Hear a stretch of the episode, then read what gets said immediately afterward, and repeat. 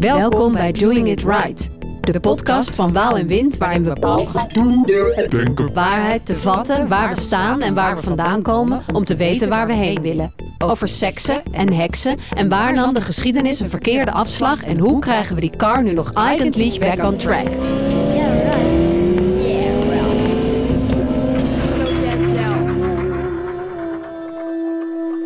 Wij zijn Eva Marie de Waal en Sophie van Winden en wij maken theater. maar nu een podcast. Over waar we theater over gaan maken. En deze aflevering die gaat over... Toxic femininity. Toxic wat? Toxic fe- femininity. Wat, wat is toxic masculinity? Nou, volgens mij is dat alles waar een man van denkt dat hij aan moet voldoen, maar dat het dan er heel heftig eh, naar buiten komt. Dus eh, dat je heel overdreven sterk moet zijn, eh, moet beschermen, maar daardoor misschien wel heel agressief uit de hoek komt. Ja, en nou zat ik dus een keer tegen Sophie enorm te klagen over een vrouw die zich in mijn ogen heel naar en wijverig gedroeg, vond ik. Wijverig. Ja, precies. En toen zei ik, nou, dat vind ik nou echt een goed voorbeeld van toxic femininity. En toen dacht ik dat ik daarmee zelf een nieuwe term bedacht had. Maar dat blijkt helemaal niet zo te zijn. Eh, nee, Want en- dit blijkt gewoon te bestaan. Ja, er zijn blijken al definities artikelen van. over geschreven. Eh, Nou ja, en daarom gaat deze aflevering ook over wat dat dan is en waarom het er is, of het er wel is. Of is gender wellicht toxic? Alright. Right. Alright. Alright dan.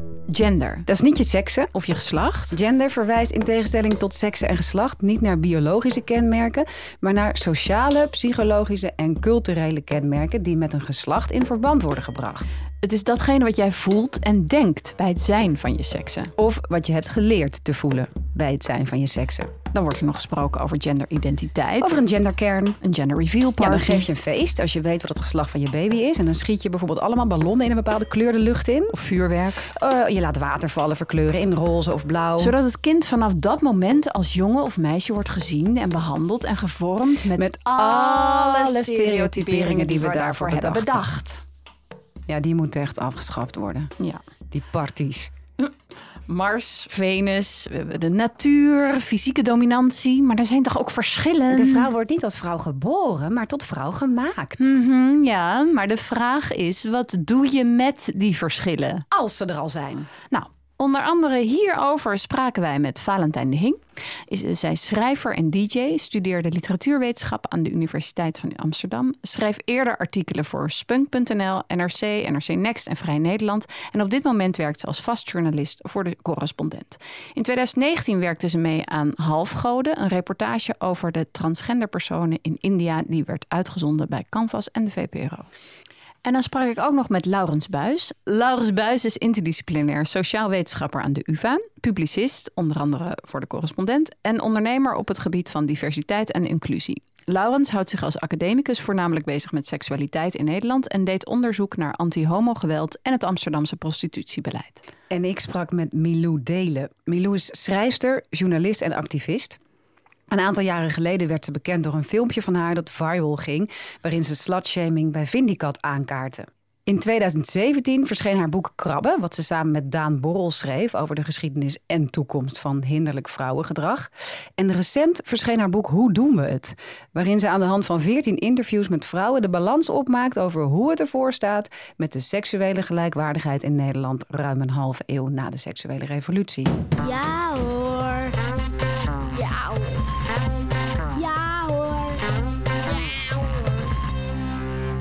Ik, ik kende dat begrip nog niet. Toxische ja, vrouwelijkheid natuurlijk. Dat vrouwen... Ja, eigenlijk het onderwerp waar mijn boek over gaat, over krabben. Dus waarom vrouwen elkaar veroordelen. En dan denk ik ook al heel snel aan het begrip de cool girl. Dus dat je en one of the guys moest zijn. Maar dan wel, moest je wel inderdaad maat 34 hebben. Dus wel dun zijn, maar wel veel bier drinken en bitterballen eten. Dus dat vind, vind ik heel toxisch, die vorm van vrouwelijkheid. Was ik vroeger wel meer van. Nu vind ik dat heel stom. Weet je, misschien dat Queen Bee effect. Inderdaad, dat vrouwen dus wel in machtsposities eh, die, die, die masculine norm gaan aannemen. Omdat ze er anders buiten vallen. De- en dan, dan passen ze zich aan aan een norm, aan de regels en codes. Die door mannen zijn gecreëerd. En als zij dat niet doen, dan vallen ze eruit. Ja, dus ze noemt eigenlijk twee aspecten. Enerzijds dat je moet voldoen aan een mannelijke norm en dat dat voor bepaald gedrag eh, eh, zorgt in eh, bijvoorbeeld machtsposities. Maar dat moeten voldoen aan een mannelijke norm is dan omdat het mannelijke meer wordt gewaardeerd in de maatschappij. Dus als je als vrouw gewaardeerd wil worden, moet je je dan een beetje als man gaan gedragen. Dat Ja. is het idee Ja, daarachter. toch? inderdaad. En het andere is dus het schoonheidsideaal en tegelijkertijd heel stoer willen zijn. Wat dan heel moeilijk met elkaar te combineren is bitterballen en maat 34. Ja, en ze noemt nog krabben. Wat een woord is wat gebruikt wordt voor vrouwen die elkaar naar beneden halen. Toch? Wat ze ook zegt, het veroordelen van elkaar, het elkaar de maat nemen. Dat soort vooroordelen Ja, die er over vrouwen bestaan. ja inderdaad. Wijvige zeik, Ja. Nou, en- en, heksenketel. Dat zijn inderdaad al een aantal voorbeelden van wat er onder dat eh, begrip toxic femininity valt. Wat, Maar, maar we hebben het even opgezocht. Ja, hè? we hebben het even Wat is nou eigenlijk precies die definitie? Nou, je hebt zijn- eh, volgzaam zijn. Dus dat je je leven ten dienste stelt van anderen. Dat je je makkelijk kan aanpassen. Dat je flexibel bent in je denken. Dat je denkt, oh, oh zo had ik er nog niet naar gekeken. Oh, Je interessant. hebt eh, je hypervrouwelijk gedragen. Je hebt het afgestraft worden als je iets doet wat mannen toebehoort. Je hebt het andere vrouwen de maat nemen door ze te houden aan dit traditionele vorm van vrouwelijkheid. Mhm.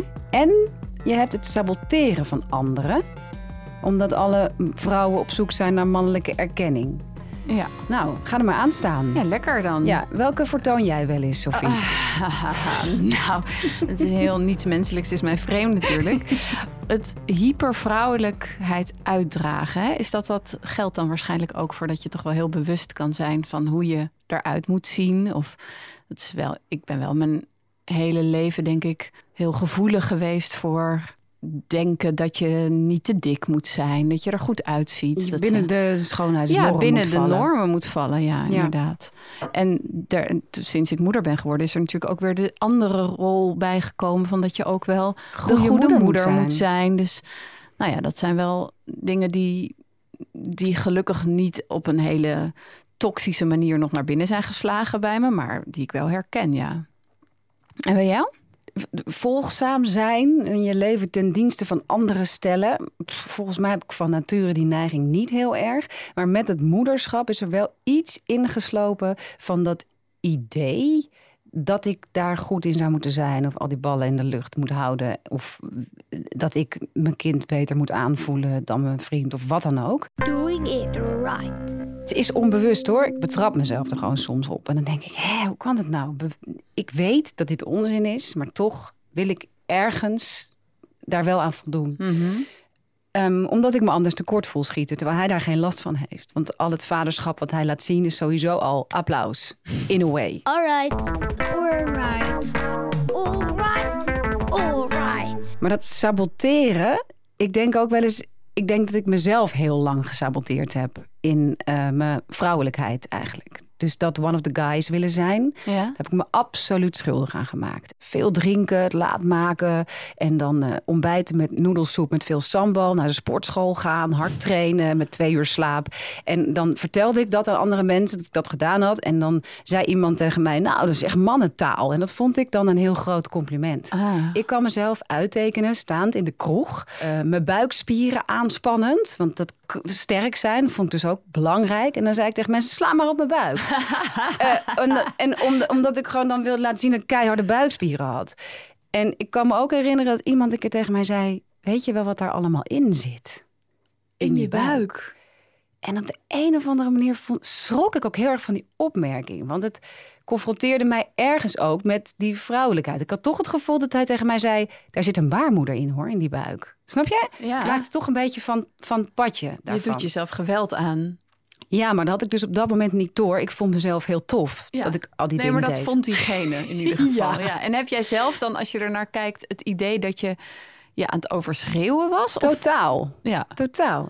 Ja, ik denk echt dat, dat eh, stoer zijn, een grote bek, alles aankunnen, dat was voor mij. eh, Hou vast. ik dacht dat ik daarmee in aanzien steeg. Ja. ja. En nu snap ik dat er onbewust aan ten grondslag lag dat ik dus doorhad dat mannen een hoger aanzien genieten in de wereld. En ik eens ergens heb gedacht, oké, aim high. Ja, ik snap het. En, en, en is er een moment geweest dat je dacht van nou, dit... Dus het Ik- doet eigenlijk ik best wel pijn, al die mensen die mee mijn pijn buik slaan in de misschien- kroeg. Ja, Eh, nee, misschien- totaal Nee, niet. dat is nooit Nee. geweest. Nee, toen je zwanger was. Nee, sorry. Maar eigenlijk is wat jij omschrijft lijkt veel op toxic masculinity eigenlijk. Hè? Maar dan door een vrouw gedaan. Ja, maar goed, het stereotype beeld van wijvengezeik is dat vrouwen elkaar naar beneden halen. En dat ze altijd over elkaar roddelen. Ja, dus dat krabbenmand-effect, waar ik toch dus wel aan dan denk. Van dat ik gewoon het gevoel heb dat, dat vrouwen mij iets niet gunnen omdat ik bijvoorbeeld ruimte inneem. En dat het toch altijd een beetje net dat onaardige is. Even kijken of ik een concreet voorbeeld kan noemen hoor. Maar dat mensen dan zeggen, vrouwen dan om me heen van... ik zou dat niet doen. En dan dat ik dan denk, wil je niet dat ik dit doe omdat je dat echt vindt? Of wil je niet dat ik het doe omdat je het me niet gunt? En een goed voorbeeld is wat denk ik heel veel vrouwen herkennen... is dat je dan... Ik had dan altijd één zo'n echt vet mooie vriendin. En dan vroeg zij vroeger welk truitje zou ik aandoen. En dan zei ik altijd de mindere seks. Weet je wel, de, de minst sexy. Zei ik, nou, ik zou, nee, ik zou toch die doen. Terwijl ik dacht, die andere staat je eigenlijk veel beter. Maar dat, daar werd ik dan onzeker of jaloers van. Weet je wel, dat is dan een heel klein voorbeeld. Maar wat wel echt heel herkenbaar is voor alle vrouwen, denk ik. Nou ja, ik vind het heel cool dat ze het zo open durft te delen. Maar het is niet iets dat ik herken. Echt niet. Ik moet wel denken aan dat ik wel eens eh, bij een voorstelling... waren er allerlei eh, stagiaires aangenomen. En ik had op zich een goede positie bij de, dat thea- die theatergroep. Er, er was één stagiaire die dacht dat het een wedstrijd was.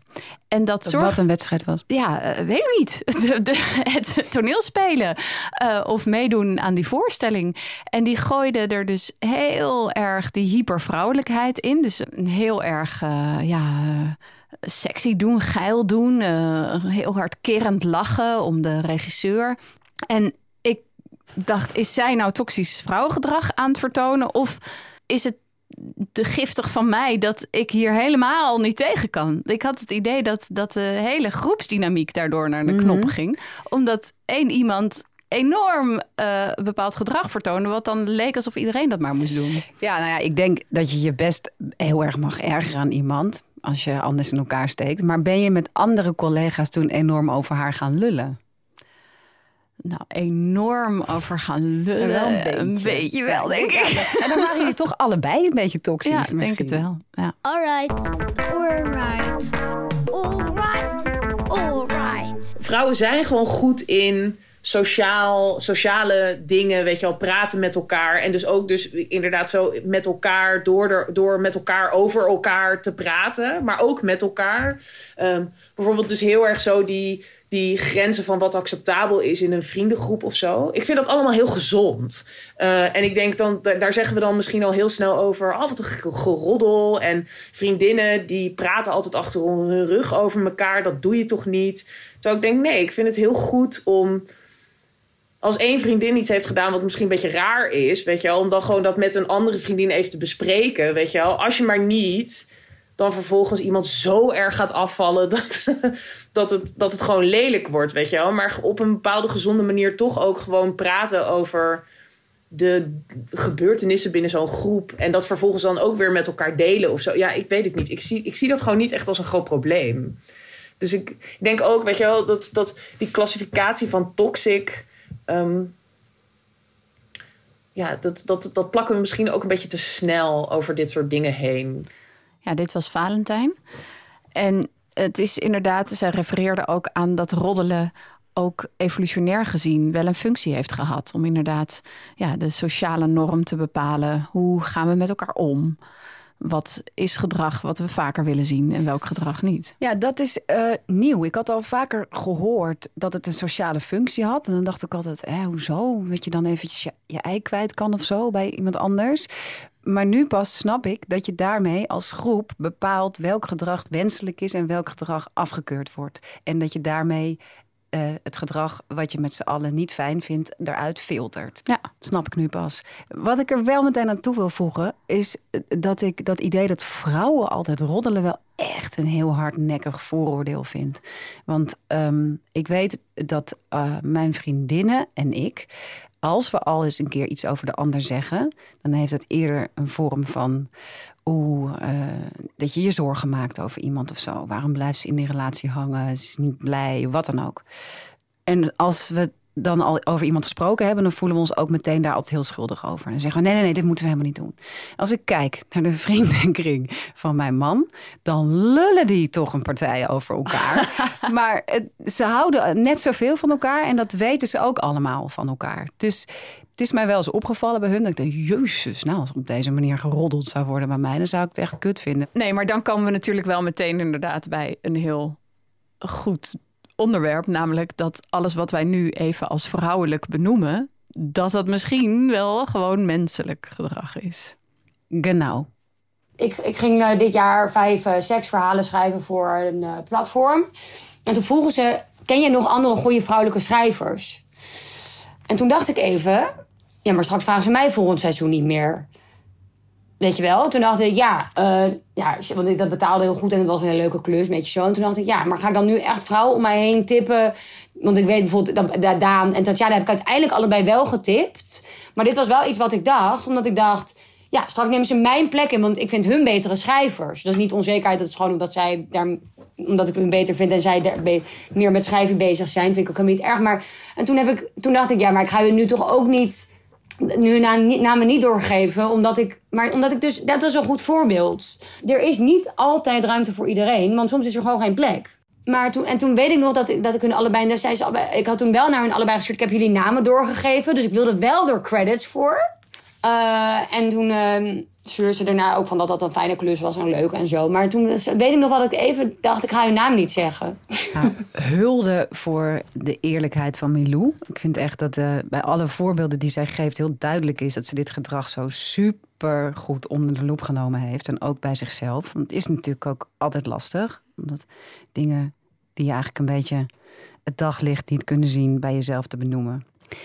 Belangrijk punt wat zij aanstipt is ja, vrouwen eh, gunnen elkaar soms dingen niet. Maar dit is dus niet een intrinsiek vrouwelijke eigenschap. Het is ook de realiteit waar heel veel vrouwen zichzelf in terugvinden, omdat er in de wereld zoals die is, op sommige plekken gewoon minder plek is voor vrouwen. Dus in haar geval eh, heb je een redactie en een aantal vrouwen schrijven. En als iemand aan haar vraagt: Ken je nog een paar leuke schrijfsters? Dan denkt ze: Misschien is er straks geen plek meer voor mij.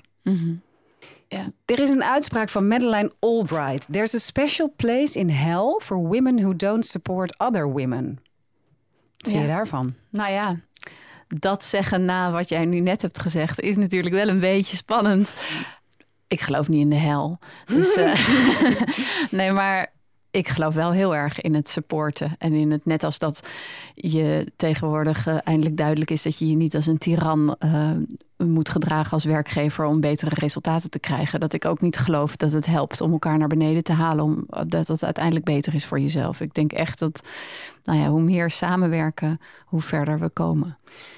Ja, eens. Ik, ik vind het heel lastig dat het, dat, ik, dat het allebei waar is. Misschien is er minder plek voor vrouwen, waardoor er een bepaald concurrentiegevoel is. En tegelijkertijd denk ik, er is ook een enorme sisterhood onder vrouwen, juist om elkaar te helpen. En tegelijkertijd denk ik, ja, waarom zou je elkaar altijd moeten helpen? Je kunt ook gewoon concurrenten zijn en allebei heel hard strijden voor een eerste plek of zo, zonder dat dat meteen wordt afgedaan als toxisch vrouwengedrag of, of wijvengezeik. Zelf denk ik dat bij mannen dat dan eerder wordt genoemd dat ze lekker concurreren, ambitieus zijn, hard werken. Of, En in het geval van een vrouw is, is er meteen een soort van hmm, Ja.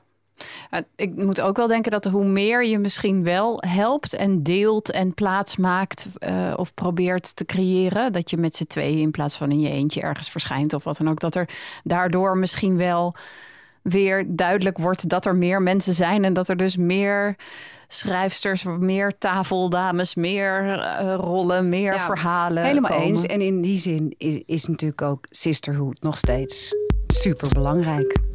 En uh, ben ik ook nog steeds enorm voor quota. Trek een lekker pakje aan, zo strak en laag van voren. Make-up hoog, hakje lekker in het gareel, ja. En als je iets gevraagd wordt, sta dan glazig voor je uit. Niet te slim uit de hoek en lipjes vooruit getuid. Je moet een man gevoel geven dat hij het heeft bedacht. Jouw idee toch aan jezelf uit laten leggen.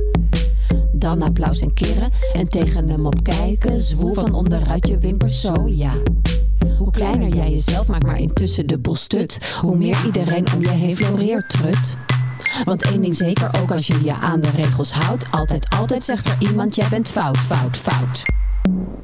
Als je toxisch mannengedrag en toxisch vrouwengedrag naast elkaar zet, dan is er één ding wat opvalt.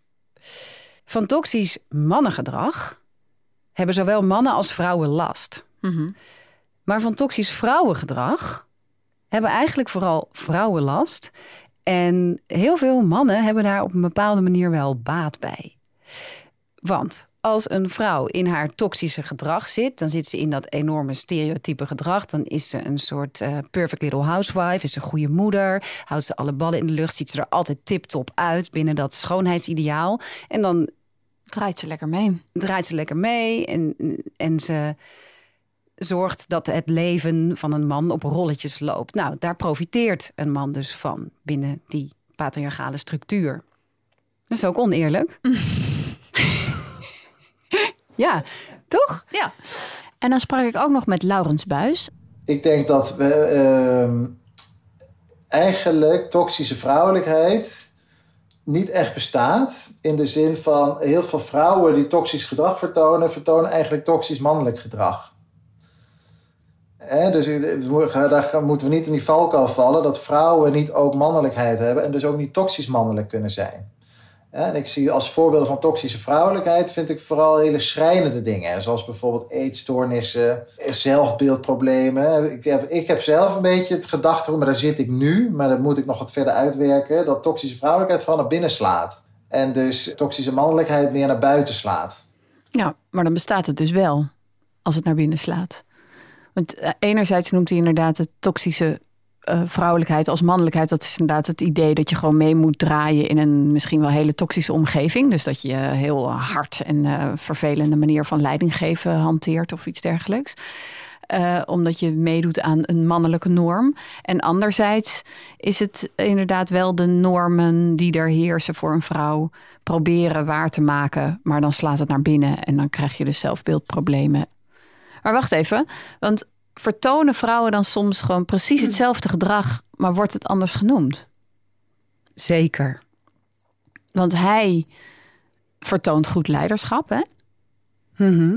En maar zij, zij is bazig. ja, dus en hij is assertief, En zij is fel. hij is duidelijk, Zij is een schooljuf. hij trekt gewoon een grens. Zij is hard. Hij is gepassioneerd. Zij is heftig Hij is nieuwsgierig of doortastend. en zij is bemoeiziek. Hij is echt een doorzetter. Maar zij is ijverig, Hij is succesvol. zij ambitieus, Hij is beschermend. zij is overbezorgd Hij is strategisch. en zij twijfelt. Hij is sociaal, gezellig. Zij is de hele tijd bezig om zichzelf te positioneren. En hij, hij, hij is oneerlijk over zijn onzekerheden. Zij is onzeker. Hij is krachtig, Hij is een kenau. sterk. Manwijf. Hij is een betrokken vader. Zij is gewoon een moeder. En hij is enthousiast. Zij is hysterisch. Hij is veelzijdig. Zij weet niet wat ze wil. Hij, hij verkent zijn opties. En zij is labiel. Een groot man zei al, er gaat geen winter voorbij zonder dat het lente wordt. En we zijn zo anders, hij en ik. Ook al doen we precies hetzelfde. Hij is een leider, Zij een heks. hij is charmant, Zij oversext. hij assertief. Zij is te fel. We staan samen sterk, dat zie je wel. Hij toont gevoel. Zij is licht geraakt, Hij is zo open. zij wil te graag. Hij een strateeg. Zij doet gemaakt, Zij is een tut. hij wel bespraakt. Hij is goed lach, Zij please te veel. hij womanize. Zij een bordeel. Hij transparant. Zij speelt toneel, Hij praat mooi zacht. zij sensueel. Ik werk te veel, jij doet je werk. Ik ben te streng, jij houdt je sterk. Ik heb een kind, jij een papa dag. Ik ben een flirt, jij bent goed lachs. We staan samen sterk, maar het is zoveel werk. Houdt het ooit op? Dit moet kapot. Zou het zo kunnen zijn dat mannen en vrouwen eigenlijk precies hetzelfde doen, maar dat we er gewoon andere woorden aan geven. Het zou zomaar kunnen. En wat ligt daar dan aan ten grondslag? Is dat misschien toch weer misogynie? Ja, en waar komt die vandaan? Afwijzen van vrouwen en vrouwelijkheid. Ja. En waar is dat dan ontstaan? Hmm. We lazen daar een heel mooi boek over. De waarheid over Eva. Het is geschreven door twee wetenschappers. Primatoloog Karel van Schaik en historicus Kai Michel. En dat boek, dat probeert in kaart te brengen waar die ongelijkheid is begonnen, toch? Tussen mannen en vrouwen. En wat er allemaal op ingewerkt heeft. Ja, nou, wij waren totaal gegrepen door dit boek. Want eh, het eh, probeert in ieder geval om echt antwoorden te geven op vragen die wij nu al een tijdje stellen. En dat doen ze door 2 miljoen jaar eh, terug te gaan in de geschiedenis. En hoe die eh, verhouding tussen mannen en vrouwen toen was. Nou, dat is natuurlijk best heel lastig om dat allemaal precies zeker te weten.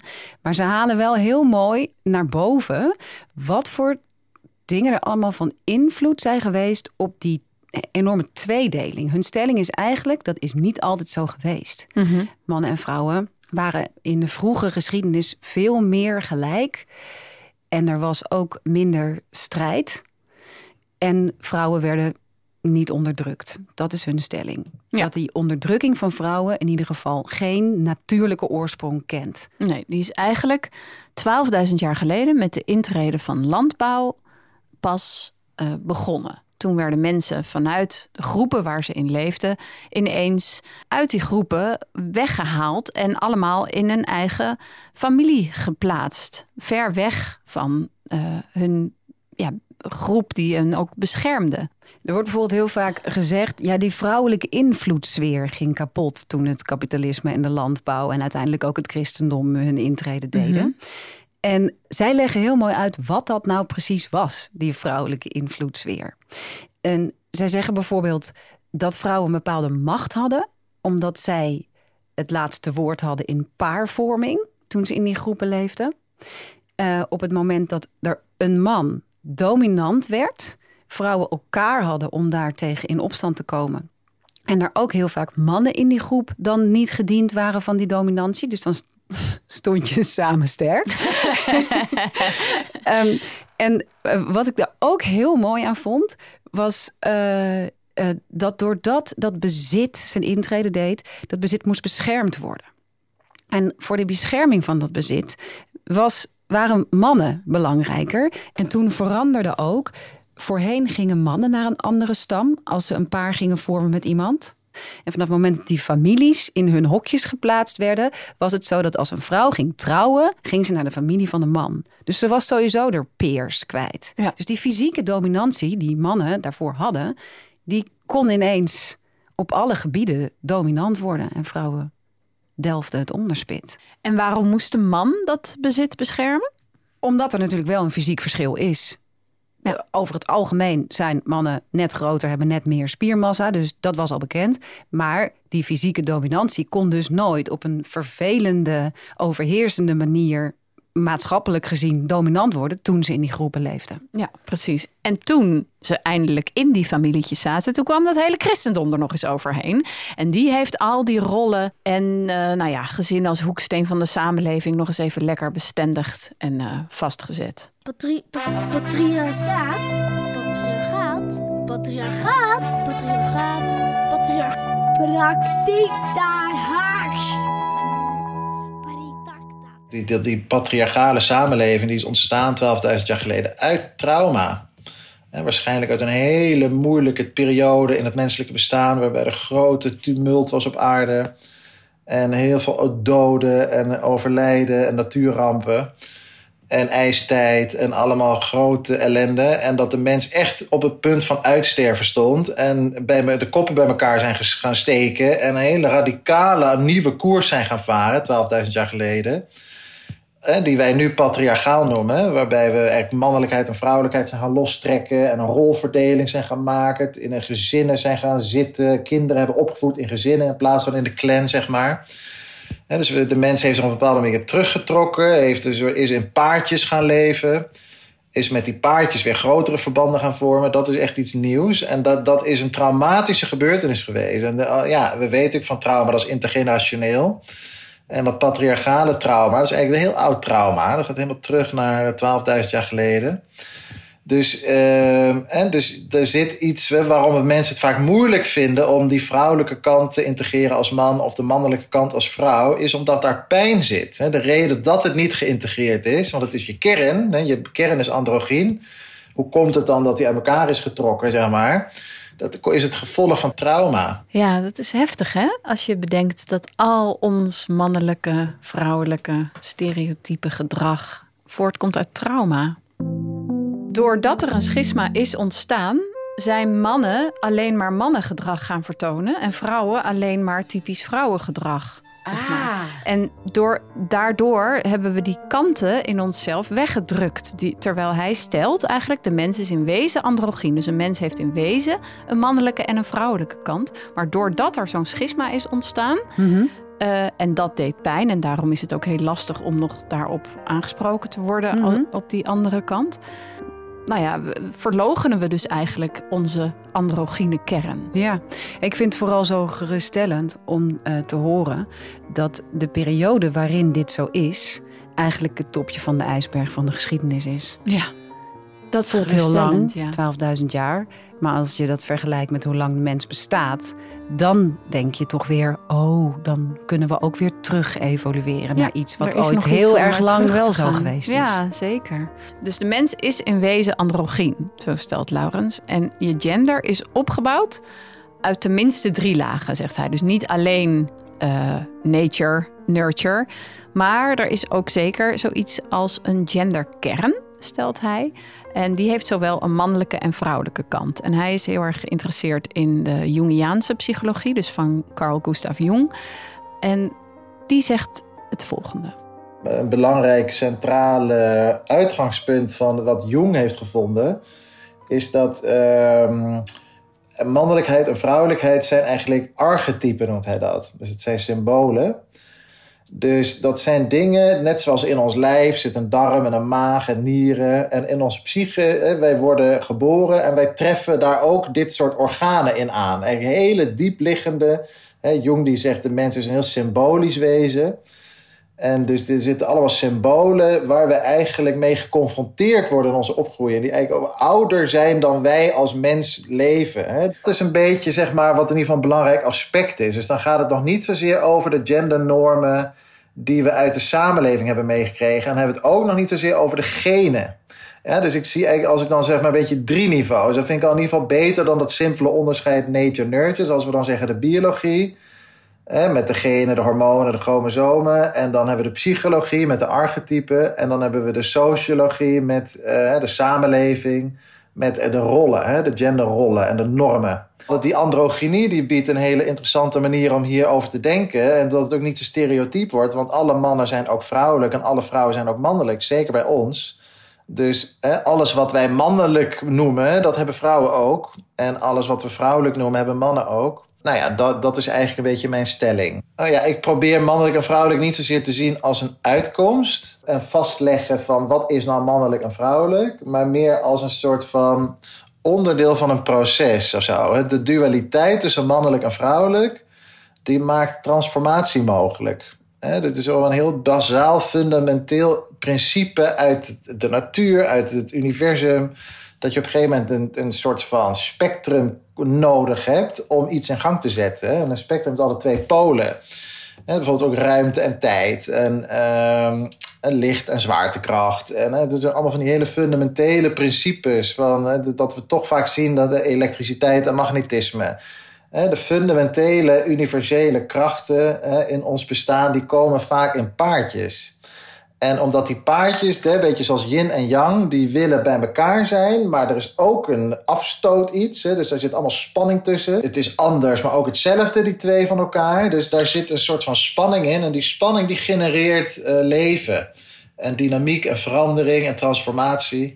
Dus ook in dat opzicht ben ik heel geïnteresseerd om... eh, wil ik heel voorzichtig zijn met mannelijk en vrouwelijk... niet zomaar wegzetten als... oh, dat zijn ouderwetse achterhaalde concepten. Maar om die te zien en te herkennen als, ehm, als belangrijk. Herken jij dat? Eh, Dat, eh, dat eh, alles in de wereld een soort van tegenpolen kent en dat daar een aantrekkingskracht tussen zit en de boel in balans houdt? Of dat deze dualiteit tussen mannelijkheid en vrouwelijkheid, dat dat houvast biedt? We hebben natuurlijk zoveel connotaties bij die begrippen. Dat ik het minder meteen als houvast zie. Maar Mhm. daar vooral ook een beetje door afgeleid raak. Door de termen mannelijk en vrouwelijk. Dat vind ik wel heel interessant. Ik heb niet meteen dat ik denk... oh, dat is een mannelijke kant die ik van mezelf nog niet onder ogen ben gekomen. Maar het smaakt wel naar meer. Ik word er wel nieuwsgierig van wat dat dan zou kunnen zijn. Het is ook wel leuk. Mensen hebben het altijd over het nature-nurture debat. Ja. Het feit dat hij daar een derde component bijvoegt, is ook wel leuk. Ja, Dat hij dus eh, zegt, misschien zeg ik het niet goed, maar dat er ook nog een soort psychologie is die te maken heeft met die archetypes. En dat je dus, daar moet ik dan aan denken. Dat als mensen geen vrienden zijn met allebei de archetypes in zichzelf, dat daar eigenlijk allerlei gendergerelateerd conflict en geweld uit voort kan komen. Ja, maar dat is het precies. Want hij heeft inderdaad ook onderzoek gedaan naar anti-homo-geweld. Daar zegt hij ook over dat veel mannen die bijvoorbeeld, nou ja, eh, homo's geweld aandoen, dat die eigenlijk tegen de vrouwelijke kant in zichzelf ageren. Kun- hebben dat zelf niet eh, geïntegreerd, die vrouwelijke kant, en zien dat gedrag bij een man en straffen dat dus af. Ja, en wijs je daarmee de vrouwelijke kant in jezelf af en uitzicht dat in anti-homo geweld? Of wijs je daarmee vrouwen af? En is het een andere vorm van het afwijzen van vrouwen en misogyn gedrag? Het is in ieder geval misschien ook zo dat vrouwen afgestraft worden als ze bepaald gedrag vertonen, omdat je die kant in jezelf niet hebt geïntegreerd. Ik heb het gevoel dat we, dat we tegenwoordig ook een soort hele strikte scheiding willen maken tussen lichaam en gender. Dus lichaam en cultuur, eh seksen en gender. Dat we die dingen eigenlijk heel strikt gescheiden willen houden. En ik heb het gevoel dat die dingen eigenlijk een soort onlosmakelijk met elkaar verbonden zijn. In de eerste plaats, nogmaals op wat ik net zei, omdat je het lichaam eigenlijk niet kan zien zonder een gegenderde, cultuurgestuurde bril op. Weet je wel? Eh, dat is ook wat, wat bekende genderfilosoof eh, Judith Butler daarover zegt. Zij schreef eh, in eerste instantie een boek waarin het vooral ging over dat ons geslacht vooral voortkomt uit wat we doen. Dus het gedrag wat we vertonen.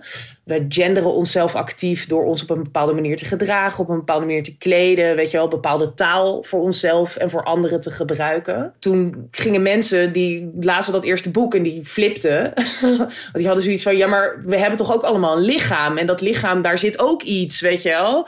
Ehm, en toen zei Judith Butler: ja, dat lichaam, dat is er wel. Maar dat lichaam is er nooit voor de cultuur, weet je wel. Dus, dus dat lichaam wordt geboren en dat is meteen ingebed in een soort cultureel kader.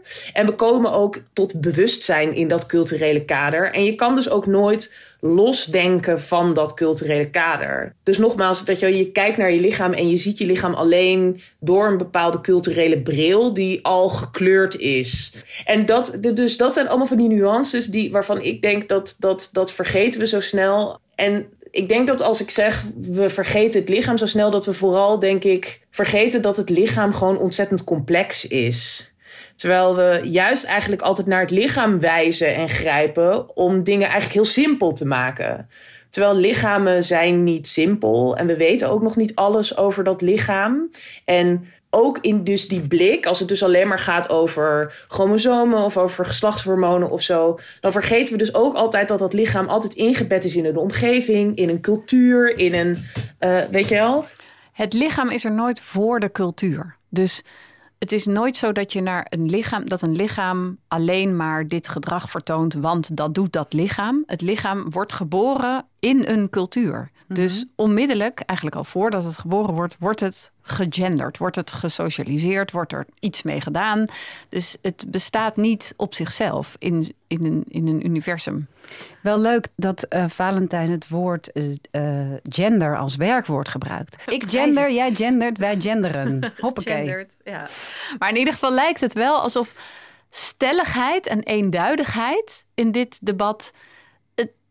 Daar komen we er niet mee. Of In lijkt... de meeste debatten kom je er daar niet oh mee. ja, er wordt toch heel veel gedaan. Ik dacht altijd, eh, dat is wat we moeten doen. Nee, maar, maar stel, hè, we volgen dat idee van Jung. Stel, eh, we denken, We hebben inderdaad allemaal een androgyne kern, een mannelijke en een vrouwelijke kant. Kanten waar we nog niet goed naar kijken. Wat heeft het voor effect als je die twee dingen bij elkaar brengt? Als je dat heelt? Er zit in ons allemaal een hiërarchisch denken verscholen. Toch eh, in bepaalde liefdesrelaties mensen geneigd zijn om de hele tijd dezelfde soort rol te vullen. Dat zie je ook, hè? mensen die op een gegeven moment vier, vijf verschillende... Kan zeggen, ik val hier op foute mannen bijvoorbeeld. Hè? Dat verhaal, story of my life, heb ik het weer. Dat is dus dat, die gespletenheid. Hè? Daar zit dus een bepaalde onbewuste, hele diep gewortelde neiging... naar het, in, het uitvoeren van een bepaalde rol... waar je eigenlijk in een afhankelijkheid terechtkomt ten opzichte van een ander... Maar dat zit niet alleen in liefdesrelaties, maar dat zit ook in je werk. Val je het in patronen, of in relatie naar je familie of naar je vrienden. dus daar zitten bepaalde copingmechanismen, overlevingsrollen... die we van vroeger hebben geleerd om te overleven... in dat patriarchale kerngezin waar we allemaal uit voortkomen. En dus daar, eh, daar zicht op krijgen, bewustwording over ontwikkelen... En doorkrijgen hoe dat, wat Jung noemt dat schaduwwerk. Hè? Dus dat zit allemaal in je eigen shadow, in, in, een, in een deel van jouw bewustzijn waar geen licht op schijnt. En onbewuste processen zijn dit. Hè? En dat heeft ook vaak te maken met kwaadaardigheid. Hè? Dus Jung zegt dat ook, dat mensen, het zit ook vaak door die gespletenheid.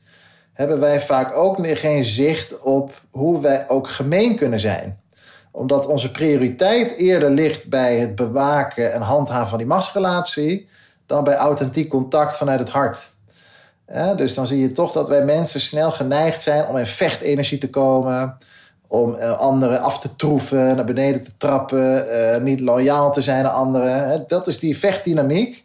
En daar hebben we geen bewustzijn over. dat zit in onze schaduw, want het is voor ons altijd verkocht als normaal. Hebben het ook niet door. We hebben daar geen empathisch vermogen. Alles wat in de shadow zit, daar kunnen we ons niet verplaatsen naar wat het doet met anderen. Dus we voelen niet aan wat dat met anderen doet. dus dat gaat ook over ethiek. Het gaat ook over goed en kwaad. Van hoe kunnen we nou toch naar een wereld die wat sensitiever wordt voor minderheden, voor de aarde, voor dieren, voor planten dat heeft hier ook allemaal mee te maken. dus ik zou zeggen van uh, dat ja, het is een gigantisch proces, dat integreren van die vrouwelijke of van die androgyne kern, zeg maar. Maar laten we er gewoon 12.000 jaar voor nemen, dan lukt het wel. Ja, maar het gaat dus wel ietsje verder dan, dat het, uh, dan self-care, zou ik maar zeggen. Het is gewoon een hele transformatie van een wereldbeeld. Wel iets waar ik wel van opknap eigenlijk, van dat mhm. idee. Ja, toch? Ik vind het ook veel prettiger klinken dan nee, we moeten ook terug naar een matriarchale samenleving of zo. Want dan is het weer alsof, het zo, alsof we zo de jongetjes tegen de meisjes. En dan is de ene aan de macht en dan is de andere aan de macht. En nu, dit klinkt heel erg als iets waar we echt wat mee op kunnen schieten. En als iemand nog een keer uh, spreekt over toxische vrouwelijkheid, dan zeg ik voortaan wel: nee, nee, nee, dat is gewoon menselijke vechtdynamiek. Waar we dit verhaal mee begonnen. Hè? Die mensen die, die kwamen op in die savanne als een soort die uh, zeer groot aanpassingsvermogen had. En uh, wat dus gebaseerd was op gelijkwaardige relaties. Hè? Dus we hebben gezien dat eigenlijk die androgyne kern van de mens... Hè, die komt het best tot zijn recht in matriarchale, matriarchale structuren. En dat zijn eigenlijk horizontale structuren... waarin er balans is tussen mannelijkheid en vrouwelijkheid. En dat, daar is heel veel gelijkwaardigheid en ook groepsgevoel dus we zagen dat de mens heeft heel lang geleefd in grotere verbanden. waar we eigenlijk continu trok je op met anderen. En deed je ook heel veel zelf, maar ook met continu wisselende verbanden, waardoor je niet allemaal toxische afhankelijkheden kreeg of zo. Maar was, je was ook heel jezelf, maar je was ook continu in verbinding met anderen. En er was een soort groepsgevoel, een groepsverantwoordelijkheid en een samen zijn en een diepliggend gevoel van verbondenheid. Daar werd je ook mee opgegroeid met jij als persoon bent verbonden met anderen om je heen en met de planeet en met de aarde en met de zon en met de sterren dus, en met het universum. Dus een soort diep geworteld gevoel van jij bent onderdeel van iets groters. En daar verhoud je je toe. En alles wat jij doet heeft impact daarop. Dus we zien in die matriarchale culturen dat eigenlijk de vrouwen, en dan met name die senior vrouwen, die een hele belangrijke rol spelen in de clan, die zetten eigenlijk een beetje, een beetje de lijnen uit. Een beetje het speelveld van dit, dit is waarbinnen onze groep zich kan gedragen. Een soort ethische, ideologische piketpalen worden daar neergezet en door die vrouwen bewaakt. Dat betekent niet dat dat alleen maar vrouwen waren die dat deden, want ook vrouwelijke mannen hè, en transgenders en in die inheemse culturen was er heel veel ruimte voor dat daar dus ook anderen aan mee konden doen en dat was niet zo heel gaan seksen gekoppeld, maar eh, het overwegend vrouwen. Ja, dus die, net als dat roddelen eh, zo'n sociale functie kan hebben om de, nou ja, te, te bepalen hoe gaan we met elkaar om, is het dus ook in zo'n matriarchaat aan de hand dat eh, er piketpaaltjes worden afgezet. Van nou ja, dit is hoe wij met elkaar willen samenleven. Maar het is wel een horizontale structuur. Dus er is niemand, geen man of vrouw, die van bovenhand, eh, bovenaf gaat zeggen. Het is geen despotisme. Nee, zo moet het en zo zullen we het doen. En het zijn dus hele lange termijn oplossingen, duurzame oplossingen. En het is heel goed om te weten dat het dus niet alleen maar vrouwen zijn die, eh, die de matriarchen zijn. Het zijn ook mannen die vrouwelijke kant in zichzelf aanspreken. En dat vrouwelijke, dat is dus niet het vrouwelijke wat wij daaraan verbonden hebben met eh, de stereotypen uit het patriarchaat. Maar hij heeft het dan meer over die vrouwelijke eigenschappen zoals je die bij de archetypes van Jung ziet. En een leuk voorbeeld van de matriarchale samenleving zie je bij de olifanten.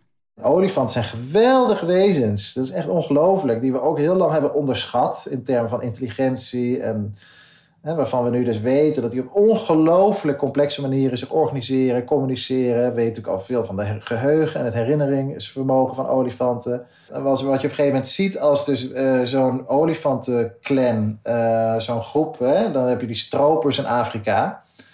En die gaan natuurlijk stropen op olifanten. En die halen vaak de grote, hè, de oude olifanten, want die hebben de grootste slagtanden.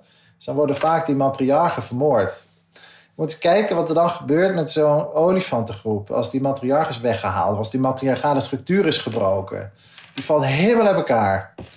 Dat is ontzettend verdrietig. Nee, dat hebben we dus ook heel lang onderschat. Dat het leed van de stropers niet alleen eh, die olifanten betrof die dood zijn gemaakt. Maar dat eigenlijk zo'n hele clan instort. En dat je dus ziet ook wat er dan gebeurt. Dat mannen, mannetjes in die clan, die gaan dan eigenlijk uit een soort van verantwoordelijkheidsgevoel om, om de leegte op te vullen, gaan die domineren. En dan krijg je heel gewelddadig gedrag, en heel veel agressie en tweespalt. En dan die prachtige structuren die die olifanten van nature hebben, die vallen dan uiteen. En dan worden er weer van die short-term patriarchale oplossingen bedacht. En dan zie je weer de mens van nu weer in terug, zeg maar. Paritaktat. Patriarchaat, jongens. Praat. Patriarchaat. Vooropgesteld is het een wereld waar ik best in zou willen leven. Eh, met eh, een, een matriarchale structuur. Ja, dat, dat, dat, dat klinkt fantastisch. Beter dan dat eh, short-term agressieve oplossingen. Ja. Absoluut. En ik kan me er ook in vinden dat we dat een vrouwelijke manier van leiding geven noemen. Op een bepaalde manier. Alright. Alright. Alright. Alright. Ik heb ook het idee dat het blijven benoemen als vrouwelijk van die structuur en het blijven benoemen van mannelijk als die andere structuur, dat dat op de een of andere manier het gesprek stopt of de zin van mensen om eraan deel te nemen. En ik dacht daarom laatst. Vaak hebben mensen het ook over ja, mannelijk, mannelijkheid, vrouwelijkheid, dat ligt op een spectrum.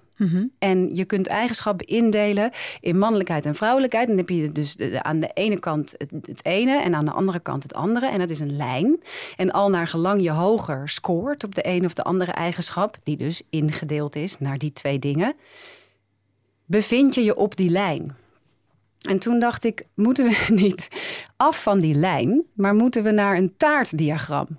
Waarbij je dus een cirkel hebt met allemaal taartpunten. En alle eigenschappen die een mens eh, kan hebben, die, zijn, eh, die hebben allemaal een eigen taartpunt. En al naar gelang je hoog of laag scoort op het hebben van die eigenschap, zit je dichter in de cirkel of verder naar de buitenste cirkel. Oké, ik probeer hem voor me te zien. Eh, want bij een taartdiagram zie ik allemaal verschillende stukjes vormen. En dan heb je dus van die verschillende eigenschappen een groter of een kleiner stukje. Ja, zo kan die ook. Want dan heb je een echt taartdiagram zoals we dat allemaal kennen. En dan krijg je allemaal verschillende groottes. Maar stel, je maakt allemaal gelijke taartstukjes voor alle eigenschappen. En je zet een puntje in een taartpunt dichter bij het midden van de cirkel of verder weg. En daarmee scoor je lager of hoger Ja. op die eigenschap. En je verbindt dan al die puntjes met elkaar. Ja, dan krijg je dus een soort barbapapa. Ja, nee, ik snap het. Ik bedoel, het is niet dat ik niet goed in wiskunde zou zijn.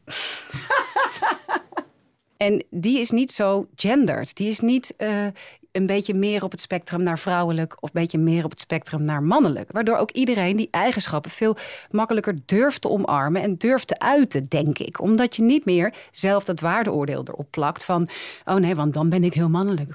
Of oh nee, maar dan ben ik heel vrouwelijk. En dat je het dus ook over eigenschappen hebt en minder over de woorden mannelijk en vrouwelijk. Ja, ik denk bijvoorbeeld als we de wereldbevolking voorleggen, ehm, zullen we een beetje meer matriarchale samenleving implementeren? Dan zeggen heel veel mensen bij voorhand, op voorhand nee. Ja, omdat het dan lijkt alsof de vrouwen aan de ja, macht zijn. en dan moet je dus steeds gaan uitleggen: nee, dat is een vrouwelijke manier van leiding geven. Die jij ook hebt. Zit je dus weer met dat woord? Ik denk echt, laten we het gewoon anders noemen. Ja, en dan misschien wel erkennen dat mensen, een man die als man geboren wordt, bepaalde eigenschappen wat meer ziet in zijn leven. En dat er een andere pol is waar die eh, nog wat mee te stellen heeft. Een schaduwkant waar die, nou ja, waar die dualiteit tussen zit, die Laurens benoemt. Maar dat je die termen er gewoon afhaalt op die manier. Ja, maar denk je dat de dualiteit blijft bestaan? Als je iedere eigenschap ontdoet van die waardeoordelen. Ik weet niet waarom ik me vrouw voel. Maar ik word door vrouwen behandeld. En als vrouw gezien. En daarom voel ik me vrouw. Ja, ik heb nooit gedacht dat ik me niet als vrouw identificeer. Dus ik heb nooit getwijfeld aan mijn gender. eh, dat niet. Mm, wat ik dan associeer met vrouwelijkheid is dan toch dat meer feminine. Dus dat meisje, meisjes, meer meisjesachtig. En daar vroeger wel meer mee geïdentificeerd. Maar goed, dat is natuurlijk dat, dat stereotype. Maar dat had ik dan vroeger meer met make-up en jurkjes en hakken. Ik bedoel, dat is natuurlijk niet per se vrouwelijkheid. Maar dat zag ik toen wel zo. Toen voelde ik dat wel iets meer zo dan nu. Dus nu, waarom ik me vrouw voel, dat weet ik eigenlijk niet. Ja, dus door de machtsstructuren, ja, dat is meteen dan van die grote begrippen. Maar door de, door omdat het zo gesocialiseerd is en door, daardoor voel ik me vrouw. Maar ik heb niet dat echte gevoel dat ik me vrouw voel. Ik zou niet weten hoe dat voelt. Ja, waarin voel jij je vrouw? Eh, waarin, ja. Nou ja, ik moet dan toch heel erg aan het lichamelijke denken meteen.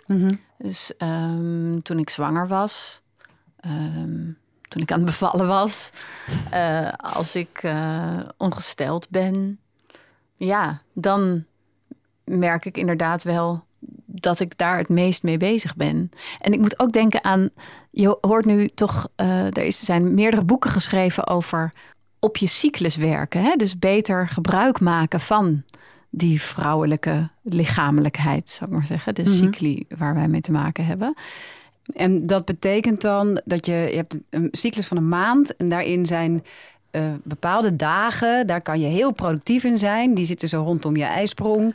En de dagen vlak voordat je ongesteld wordt, moet je eigenlijk eh, vooral geen interactie met andere mensen hebben, want het is explosief. Ja, eigenlijk Even maak je vier, vier seizoenen mee, geloof ik. In een maand, ja. En daar zou je dus nou ja, eh, enorm profijt van kunnen hebben. Alleen de samenleving is helemaal niet ingericht om, eh, nou ja, om daar Ja, er zijn dus mensen die nu daarvoor pleiten hè, dat de vrouwen een soort van menstruatieverlof op kunnen nemen. En rond die dagen dat ze drie keer zo hard kunnen werken als andere mensen, dat dan inhalen. En wel gewoon een maandsalaris krijgen. Ja. Alleen voor ons gaat het dan weer niet zo makkelijk op, omdat als wij een tournee spelen, dan wordt die een jaar van tevoren verkocht. Ja, is heel moeilijk, in te schatten eh, wanneer we dan ongesteld zijn. Ja, precies. Waardoor je uiteindelijk toch met een soort, eh, nou ja, met je, met je goede bedoelingen en je eco-cup en je witte kostumen in En de je kleedkamer. Maandverband. Ja, toch ja, in de montageperiode waarin je dubbele uren draait.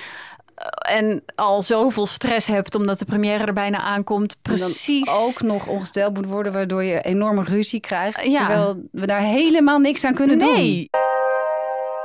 Maar ja, ik ben ook wel weer het, het nieuwsgierig naar die kracht waarvan je dan hoort. Van stel dat je er helemaal rekening mee zou kunnen houden en je neemt wat gas terug in tijden dat dat zo is en dan komt er een dubbele kracht vrij. Ja, ik ben er wel nieuwsgierig naar Ja, daar moeten we eerst voor in een matriarchale samenleving gaan leven. Dan zijn die wetten er zo doorheen, denk Ja. ik. En moeten we eens kijken wat voor cycli mannen misschien wel doormaken. Waar we niet eens van Laten we weten dat ze, dat, ze, dat ze bestaan. Alright. Right. Alright. Alright dan. Nou, wat ik dus juist wel heel bevrijdend vind aan dat idee van toch ergens tussen de hokjes man en vrouw in hangen, is dat ik dus toch bij heel veel neigingen, maar dat, dat, dat, dat vergt dus wel een bepaald soort bewuste vorm van omdenken.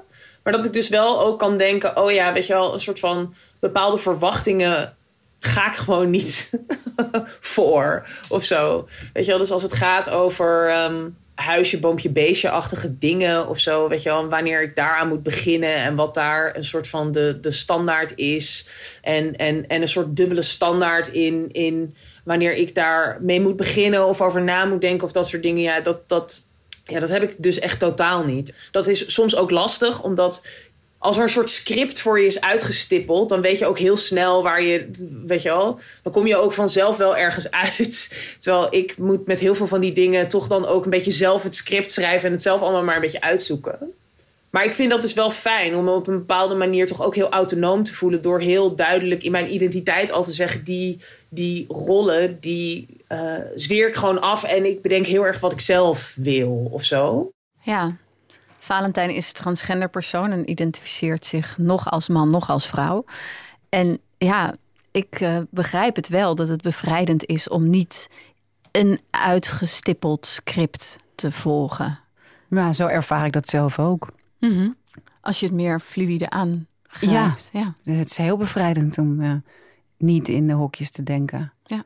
Maar dan met behoud van die cyclus natuurlijk. Ja, dat dan weer wel. Een beetje, gewoon een beetje shoppen. Om dat toch? lichaam Wat kom je je niet uitkomt. Nee, precies. Ja, ik heb Milou ook gevraagd of zij zich voor kan stellen of er een, een manier van leven is waar we naartoe terug kunnen. En nu ga ik echt iets, iets heel clichés zeggen. Maar dat we. Ja, dat, ja, ik ga echt iets allersufst ooit zeggen hoor, hou je vast. Maar dat we allemaal mensen zijn. En dat je daar wordt beoordeeld. Dus niet per se. Je kan je wel identificeren als man of vrouw. Ik bedoel, prima. Of wel eens iets anders. Maar dat je daar. Dat dat, niet, dat dat niks zegt over je persoonlijkheid. Of je, of je plek. Of je kansen. Of, dus, dat het, ja, dus dat dat gewoon niet meer nodig is. Maar daar gaan we denk ik nooit komen. Maar mm, ja, dat, het, dat, het, dat al die stereotypen en die plek... dat het allemaal dus niet uitmaakt van je man of vrouw. Dat lijkt me zo lekker. Maar dat vinden dus heel veel mensen heel erg eng. Vooral mannen, maar ook vrouwen. Maar ehm, ja, dus dat het gewoon niet er... Ja, Dus ik zit even te denken of het nou het ideaal zou zijn... dat niemand meer een gender heeft. Of, weet je wel? Misschien in de meest ideale wereld wel, dat dat gewoon niet belangrijk is. Ja, ik vind het echt heel leuk dat zij zegt dat ze iets heel clichés gaat zeggen. Ehm, terwijl, ja, het is eigenlijk niet cliché. het afschaffen van al onze gendernormen is echt niet cliché. Nee. En heel veel werk, als je zo naar Laurens luistert ook. Maar niet onmogelijk. Terwijl Milou zegt, ik denk dat we daar eigenlijk nooit gaat komen, gaan komen. Nee, maar, misschien zijn zelf- we al is- best dichtbij. Alleen hoe is wel... Ik denk ook dat het wat zelfbescherming is van Milou. Dat ze zegt, ja, dat gaat waarschijnlijk nooit lukken. Het zou kunnen, ja, inderdaad. Maar dat Of we dat aangeleerde bescheidenheid. Ja, maar in de kern willen we dat dus wel allemaal. En dan kunnen we tenminste recht doen aan al onze archetypes. Want eh, is het niet gewoon een construct? Ik vind als we het nog heel even over die ideologie hebben, dat wordt dus inderdaad ook heel vaak gezegd, weet je wel, in relatie tot eh, eh, trans mensen en dus nogmaals de, de, de politieke doelen die zij willen bereiken. Of waar de gemeenschap eh, eh, voor eh, vecht. Dan wordt er vaak gesproken van de genderideologie. En dat ze, ja, de genderideologie, weet je wel, wordt nu ook al op school, weet je wel, wordt dat gegeven aan hele jonge kinderen. En, en oh, de genderideologie die ze ons maar op de mouw proberen te spelden. Terwijl gender, zoals het zeg maar functioneert in onze maatschappij, is ook een ideologie. That's peak ideology. Namelijk een, een, soort, een soort waarvan het ook überhaupt, en dat is cruciaal bij ideologie volgens mij, eh, als ik het me goed herinner van eh, tien jaar geleden van mijn bachelor. Eh, ideologie vermomt zichzelf ook altijd als een soort natuurstaat, als een soort natuurlijke status quo, als, als, als, als een ideesysteem waar je niet buiten kan denken, omdat er buiten dat ideesysteem gewoon niks aan logica of, of zo bestaat. Nou ja, gender functioneert volgens mij heel erg op die manier. Onze ideeën over wat het betekent om man of vrouw te zijn, ja, hult zich echt in een, in een soort natuurlijkheid. Die als je, er, als je er even twee seconden langer naar kijkt, gewoon echt niet zo. Ja, die je makkelijk doorprikt, denk ik. En dat is dus, dus dat, dat, dat is de ideologie. En die probeer ik te bevragen. Ik probeer juist te zeggen: kunnen we er ook op een andere manier naar kijken? Want er is een groep mensen voor wie dit niet werkt. Um, of die het toch anders zien. En die zich toch op de een of andere manier dan in deze status quo of in deze, weet je wel, uh, nauwe definitie van wat het betekent om man of vrouw te zijn in te passen. Een soort puzzelstukje wat nooit helemaal, uh, wat nooit helemaal klopt. Ja, het is wel heel belangrijk eigenlijk om je dat te blijven realiseren. Dat er voor een hele grote groep mensen die hokjes sowieso helemaal niet passen. Mm -hmm. En het blijven gebruiken dus voor heel veel mensen echt heel ongemakkelijk is. Had je dat maar gezegd, hè? Had je dat maar gezegd? Had je dat maar gezegd, hè? Sophie, ja. Heb jij, Lady, nog een moment gehad dat je dacht... oeh, had ik dat maar gezegd? Uh, ja, nou ja, ik stond laatst op een verjaardag... en toen vroeg iemand mij waarom ik een voorstelling wilde maken... Hè, over deze materie. En nou toen begon ik daar een zo goed mogelijke pitch over te houden. Maar ik raakte toch een beetje verstrikt. Dus ik legde kort uit waar de waarheid over Eva over ging. En waar de vraag, dat we ons richten op de vraag waar de ongelijkheid tussen mannen en vrouwen ooit begon. En ik vond het best wel lastig hoor, om met een biertje in mijn hand en terwijl ik de kinderen een beetje in de gaten hield, toch een goede samenvatting te geven van een 600 pagina tellend uh, wereldverbeterend wetenschappelijk boek. Vooral ook omdat ik na twee zinnen al de tegenwerping kreeg van uh, deze man die ik verder helemaal niet kende, dat hij wel wist waar die ongelijkheid vandaan kwam. Want er zijn toch eenmaal fysieke verschillen tussen mannen en vrouwen. Ja, zeker, tuurlijk, zei ik. Dat ga ik ook niet ontkennen. Maar weet je wel door welke bril die verschillen al sinds jaar en dag bekeken worden? Want toen er een skelet uit de prehistorie gevonden werd met een zwaard, twee speren en 25 pijlen, toen was dat duizenden jaren een man. Want vrouwen wachten thuis met de kinderen tot vader, de sterkere, de kostwinner, thuis kwam van de jacht. Maar onlangs bewees DNA-onderzoek dat dat mens een vrouw was. Dus mm, ja, nou ja, die oertijd die zag er misschien toch anders uit. En zo was het dierenrijk een schat aan bewijs voor mannetjes als sterke seksueel onafhankelijke wezens en vrouwen als zorgende, ontvangende ondergeschikten. Tot vrouwelijke biologen zich ermee gingen bemoeien en onderzoek gingen doen. En ze soms heel andere dingen zagen. De roodkeelsialia bijvoorbeeld, ontdekte een vrouwelijke ornitholoog, die paart met meerdere mannetjes. Het nest met jongen bleek namelijk uit kuikentjes van meerdere vaders te bestaan. Nou, dan moet die vogel wel verkracht zijn, menen de mannelijke collega's. Want vrijwillig meerdere sekspartners hebben, dat doen vrouwtjes niet aan. Nou, wel dus. Want verkrachting kan deze keer eens niet. Mannetjes roodkeelsialia's, die hebben namelijk geen penis. De vogeltjes die moeten hun beider cloaca's heel voorzichtig tegen elkaar houden bij de paring. En zou een vrouwtje hier niet van gediend zijn, dan vloog ze er dus gemakkelijk onderuit. En dat is niet alleen één voorbeeld van een vreemd Ook bij apen zien we soms heel andere dingen als we er maar anders naar durven kijken.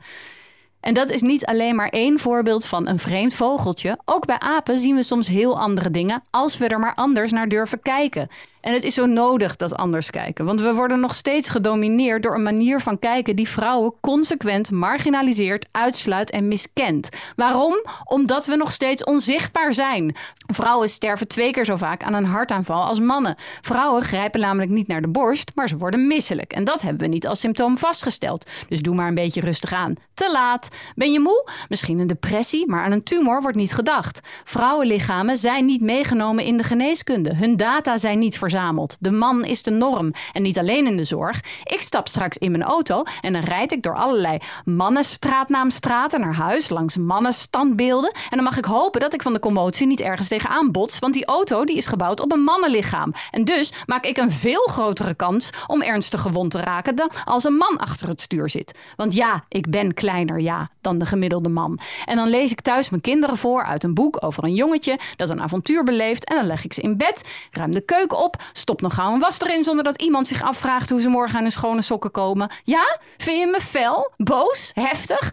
Dat ben ik ook. En ik zou het zo waarderen als jij dat ook een beetje werd. Want als jij op een volgende verjaardag iemand van repliek dient, als die aankomt zeilen met dat het onze natuur is, of dat de jagers en verzamelaars toch bla bla bla bla, dan noemen ze het, als jij het doet, misschien een vlammend pleidooi. En prijzen ze je dat je zo ruimdenkend bent.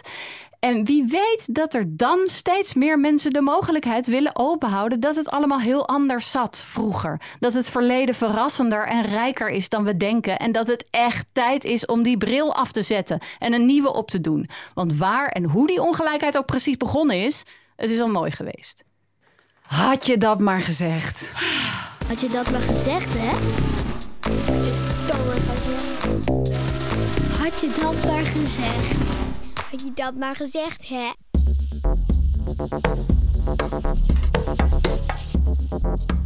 Leuk dat je luisterde. Onze volgende aflevering is Abortus, baas en eigen wetboek. Met rechtshistoricus en mediacriticus Madeleine van der Nieuwenhuizen. En neurowetenschapper en abortusactivist Eva de Groei. Concept Eve Marie de Waal en Sophie van Winden. Productie en montage Veerle Korstens. Muziek Arthur Wagenaar. Beats bij Rijm Vince van Reken. Geproduceerd in de context van de vrije ruimte via Rudolfi Productie in samenwerking met Waal en Wind. Dankjewel voor het luisteren. En heel graag tot, de volgende keer. Doei! Bye bye!